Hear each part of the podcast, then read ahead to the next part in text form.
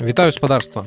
Невялічкі выпуск пра прэзу Apple няўдачы амерыканскай астранаўтыкі і парада, дзе хавацца напярэдадні ядзернай вайны. Даўно не чуліся, часу мала, таму давайте пакуль што так. Яшчэ нагадаю для моўнай паліцыі, што я не філолог, беларускую мову не ведаю дасканала, толькі вучуся, таму чакайце перыядычна трасяначку. Apple толькі што анансавала iPhone 14 Pro iPhone 14 Pro Max гэта значная мадэрнізацыя леташніх тэлефонаў iPhone 13 Pro.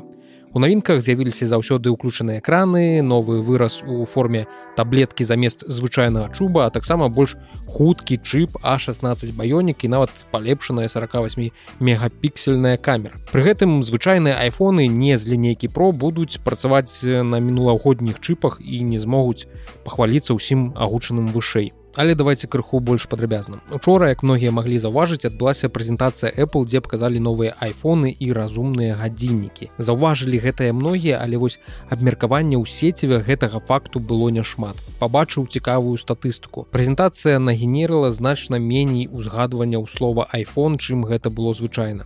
Гледзячы па статыстыцы сервіса google trends была ў два разы ніжэйшая за той зык што стаяў вакол прэзентацыі iPhone 5 то быў пік хайпа па айфонах пасля якога хвалі павольна змяншаліся. Інтарэс да новага айфона у пошуку гугла быў нават меншы чым да чацвёркі што была прадстаўлена ў 2010 годзе. А гэта пра многае кажа збольшага яно і зразумела. Вось ужо некалькі год ад apple не чакаюць ніякай рэвалюцыі. Дзякуючы чуткам пра новыя айфоны амаль усё вядома за тыдзень да прэзентацыі. Ды і карыстальнікі не так часта мяняюць тэлефоны як гэта было на пачатку мінулага десятгоддзя ды і я сам магу канстатаваць прэзентацыя прайшла даволі маркотна. Мяне зацікавіла толькі мабыць одна дэталь. Гаворка пра дынамічны востраў у новых прошках. У гэтых мадэлях Apple адмовіліся ад звычайнага ўжо чуба. Па сутнасці у верхняй частцы экрана зараз знаходзіцца адтулена для камеры і розных сэнсараў.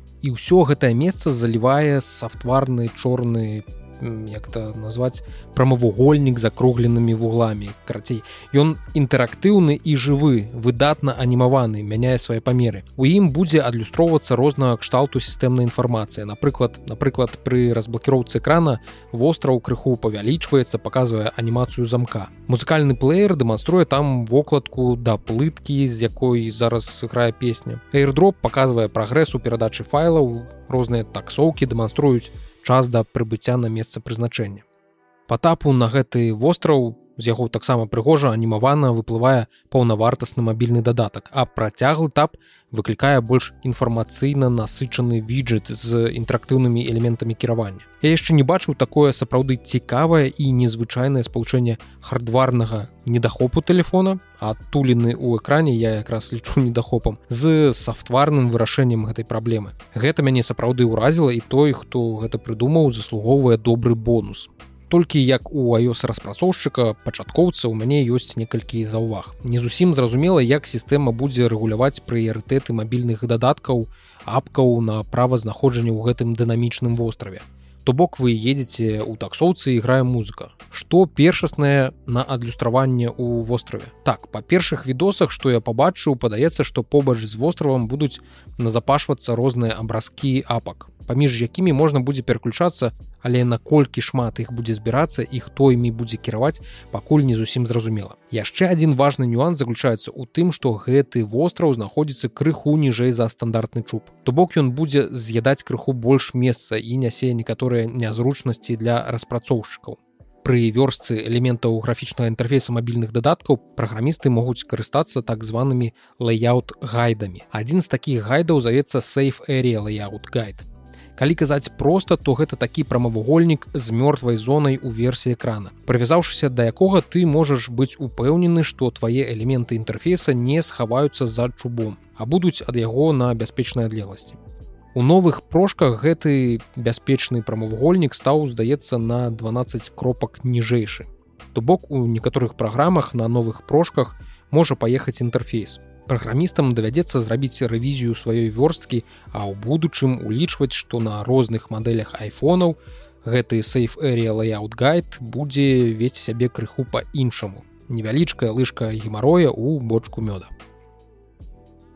Таксама навінкай для дысплеяў на iphone 14 pro і 14 pro max з'яўляецца функцыя always on display. То бок на заблакіраваным і здаецца выключаным дысплеі зараз адлюстроўваецца час віджеты і натыфікацыі вы можете праверыць надвор'е каляндар і многае іншае. Гэта выглядае цудоўна а шпалеры нават цямнеюць каб адпавядаць рэжыму always on. Гэта працуе з любымі шпалерамі якія вы выкарыстоўваеце. У астатнім зноўку супер-пупер камера цікавая аптычная стабілізацыя амаль што як на стадзікамах прычым з цалкам адэкватным разрозненнем канчатковага відэа да двух цэлых і 80 здаецца тысяч пікселяў пры 60 кадрах у секунду. Зусім няблага але ж усяго гэтага неяк мала каб прымусіць мяне змяніць свой 12 iphone Да і наогул да гэтай пары сістэма iOS не перакладзена на беларускую мову то я неяк нават стаў паглядаць у бок android телефонаў у якасці асабістага телефона а не працоўнай прылады таксама на прэзентацыі былі новыя разумныя гадзіннікі. Там зноўку куча функцый якімі вы не зможаце карыстацца не тое што ў беларусі але нават шмат дзе ў Еўропе. Калі вас цікавяць гадзіннікі Apple то усялякія характарыстыкі Apple watch series 8 і se пачытайце ў сеціве я ж тут адзначу толькі цікавае для сябе. Apple нарэшце вырашыла адваяваць апошні непакорны сегмент прафесіянальных атлетаў і тых хто актыўна ляжыць у напрамку гэтага звання анансавалі Apple watch ультра з якім можна ісці скараць горы Гэта гадзіннік 49 міліметровым прамавугольным дысплеем. Самы вялікі дысплей у лінейцы Apple Watch самай вялікай яркасцю 2000 ніт і тытанавым корпусам. Гадзіннік выглядае сапраўды вялікім, але ён такі ж непрыгожы, як і астатнія гадзіннікі Apple, як на мой густ, канешне на корпусе больш фізічных кантролаў чым на звычайных гадзінніках Apple таму што імі сапраўды лягчэй карыстацца чым тыкаць у экран пальцам асабліва падчас бегуць якіх іншых актыўнасцяў. Ну і ў пальчатках з кнопкамі лягчэй узаемадзейнічаць чым з тачскрынам гадзіннік ультра павінен працаваць да 36 гадзін на адной зарадцы ён таксама мае падоўжаны час аўтаномнай працы на 60 гадзін пры выкарыстанні новай налады зніжанай магутнасці. Гэты рэжым по-ранейшаму дазваляе выміраць пульс і адсочваць GPS Apple сцвярджае што батарэі ультра хопіць большасці карыстальнікаў для праходжання доўгага трыатлону які ўключае ў сябе заплыў на 2,4 мілі язду на велосипедзе на 112 здаецца міль і марафон на 26 міль. Але ў параўнанні з якімі-небудзь гармінамі з той жа цанавой катэгорыі а гэта каля 8 сотен даляраў гэта па-ранейшаму прыкметна мала. У сёмых феніксаў да прыкладу час аўтаномнай працы выміраецца тыднямі тым не менш Apple watch ультра открывае новы раздзел у шляху Apple да разумных гадзіннікаў. Дагэтуль гадзіннікі Apple былі прыладамі агульнага карыстання з выдатнымі магчымасцямі подключэння разумнымі функцыямі і пашыранымі абвесткамі пра стан здароўя. Але ультра гэта адназначна прылада для фітнесу якая павінна канкурыраваць з гармін і полар наколькі гэта атрымаецца будзем назіраць. Я ж пакуль усё так жа аблізваюся на гарміны яшчэ зусім караценька. Гадзіннік серыяс 3 перасталі прадаваць афіцыйна. Ён пратрымаўся ў продажы 5 гадоў ачмурэць з лінейкі айфонаў даступных у продажы на афіцыйным сайце зніклі iphone 13 про iphone 11 а новая версія iOS 16 выходзіць 12 верасня. На гэтым усё. у пасля дзвюх няўдалых спробаў запусціць ракету space launch system наса прызнала сваю паразу і гатова саступіць няўмольнаму лёсу не ў мінулы панядзелак не ў аўторак нават і спрабаваць не стануць запускаць ракету спрыяльныя моманты для запуску на гэтым будуць вычарпаныя але толькі бліжэйшым часам Праз некалькі тыдняў яны зноў з'явяцца. Гэтага часу павінна хапіць на тое, каб падрыхтаваць ракету і выправіць усе знойдзеныя хібы. А што ж адбылося? Ракету спярша павінны былі запусціць 29 жніўня. Калі я не памыляюся, то так. Але менш чым за гадзіну да запланаванага старту інжынеры заўважылі праблему з тэмпературай аднаго з чатырох рухавікоў. Наступная спроба 3 верасня таксама не скончылася стартам. Яго спярша перанеслі, а затым наогул скасавалі. Гэтым разам бяда прыйшла з боку паліўнай магістралі. Там выявілася вялікая уцечка вадароду Падчас суботняга зваротнага адліку інжынеры зрабілі тры спробы правільна пасадзіць падазроную пломбу і спыніць уцечку ў васьміцалёвым хуткараз'ёмным фітынгу. Але ні адна з гэтых спроб не спрацавала. Дастаткова часу на рамонт да заканчэння бягучага спрыяльнага перыяду з запускаў да месяца у спецыялістаў наса проста не было. У іх было толькі дзве опцыі замяніць бракаваныя элементы прама на стартавай пляцоўцы і правесці міні-тэст на запраўку вадкім вадародам ну каб выявіць ці захавалася уцечка або адкаціць ракету назад у зборачны будынак так званы вап vehicle assembly building. Здаецца так ён і правесці зразумелы ремонт там. У вабе інжынерам не будзе замінаць магчымая непагадзь ім не давядзецца збіраць агароджу для абароны адчувальных кампанентаў ракеты падчас рамонту. Але ж там яны не змогуць праверыць фітынг паліўнай сістэмы з дапамогай звадкаванага вадароду. Таму ва ўсялякім разе абедзве опцыі патрабуюць затрымкі запуску на некалькі тыдняў. Наступны спрыяльны перыяд запуску да месяца пачынаецца 19 верасня і працягнецца да чацвёртага кастрычніка. Але NASAа плануе адправіць новы экіпаж на міжнародную касмічную станцыю на борце капсулы Space X трэцяга кастрычніка і агенства хоча пазбегнуць канфліктаў пры запусках. Гэта азначае, што запуск СЛС хутчэй за ўсё будзе перанесены у яшчэ далейшы перыяд, які адкрыцца 17 кастрычніка і працягнецца да хэллоуіна. Нагадаю, што мэта місіі Артеміда 1 і ракеты СЛС падштурхнуць капсулу Арыён на далёкую арбіту вакол месяца. Гэта будзе выпрабаванне касмічнага карабля ў глыбокім космосе, ацэнка радыяцыйнага ўплыва на будучых касманаўтаў, што будуць не касманаўтаў, астранаўтам, да, што туды паляцяць пазней. Таму на першым арыёне замест людзей паляцяць манекены. У сваім твітары я мім хоць расказваў, што гэта за такія цікавыя манекены. Дарэчы, подписывать у твітары перыядычна нешта цікавае я ўсё ж такі раблю нейкія допісы. Справа ў тым, што касмічнае выпраменьванне ўяўляе вялікую небяспеку для здароўя людзей у далёкім космосе, Таму што яны не абаронены магнітным полем зямлі. Яго ўздзеянне на арганізм чалавека з'яўляецца вырашальным і патэнцыйна абмяжоўваючым фактарам пры запланаваных будучых доўгатэрміновых місій, напрыклад, да марса. Таму першыя пасажыры арыёна гэта два фантомы, так іх клічуць. Анатамічна правільныя аналагі тулава чалавека. Іх распрацавалі ў Геррманіі. Кажнае тулава складаецца з 38 пластын зрэзаў. Дасягае гэта тулава ў вышыню 95 сантыметраў.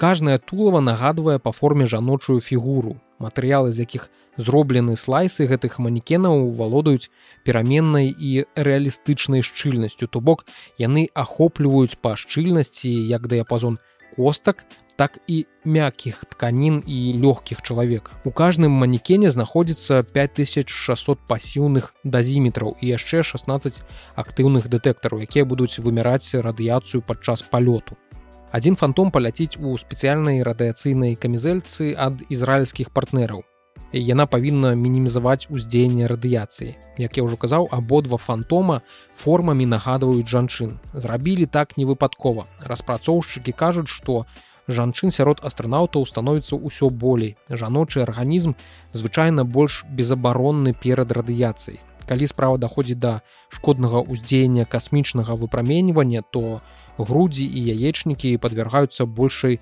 рызыцы развіцця рака.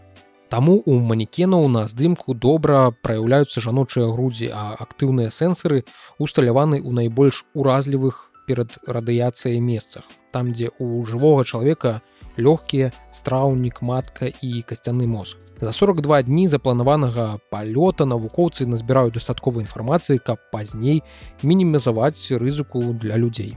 Калі першапачатковы выпрабавальны палёт без экіпажа пройдзе добра, NASAа плануе запусціць чатырох астранаўтаў у палёт вакол месяца. Місія Артеміда 2. Гэта павінна адбыцца ў 24 годзе і пасля збіраюцца высадзіць першую жанчыну і наступнага чалавека каля паўднёвага полюса месяца ў 25 ці 26 годах. Але ўсё гэта залежыць ад паспяховага выпрабавальнага палёту артэміды 1, які зноў жа нагадаю адкладзены.